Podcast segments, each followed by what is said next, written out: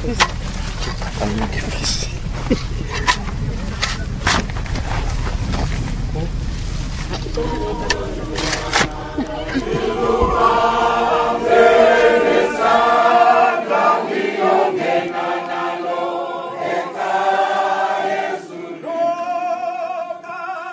I reassure you, your mind won't rest when songs of our soil reach the bed of your soul.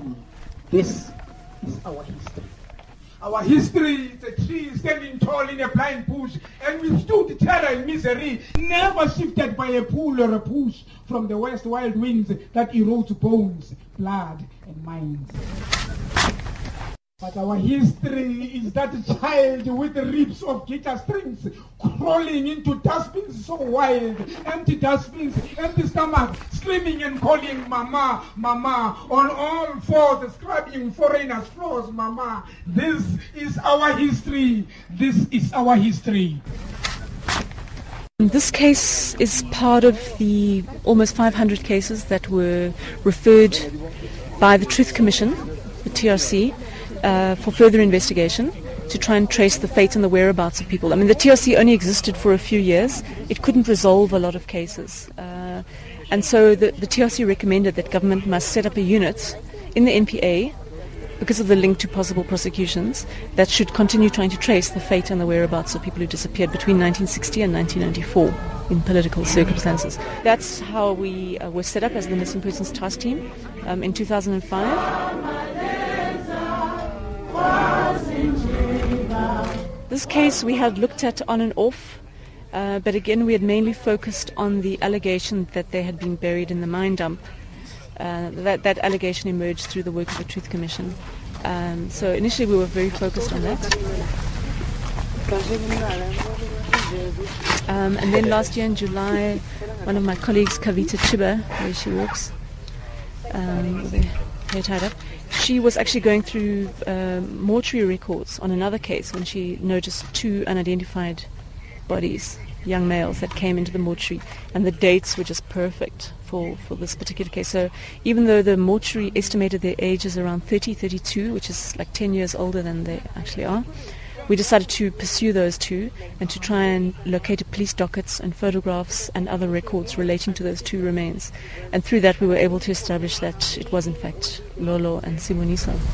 We, the Sonos, lived in darkness, hopeless, angry, and uh, with fear for 25 years. We never dreamt that uh, this day like this will ever dawn in the household of the Sonos. We never thought that the dark cloud that has befallen the Sonos will ever be removed.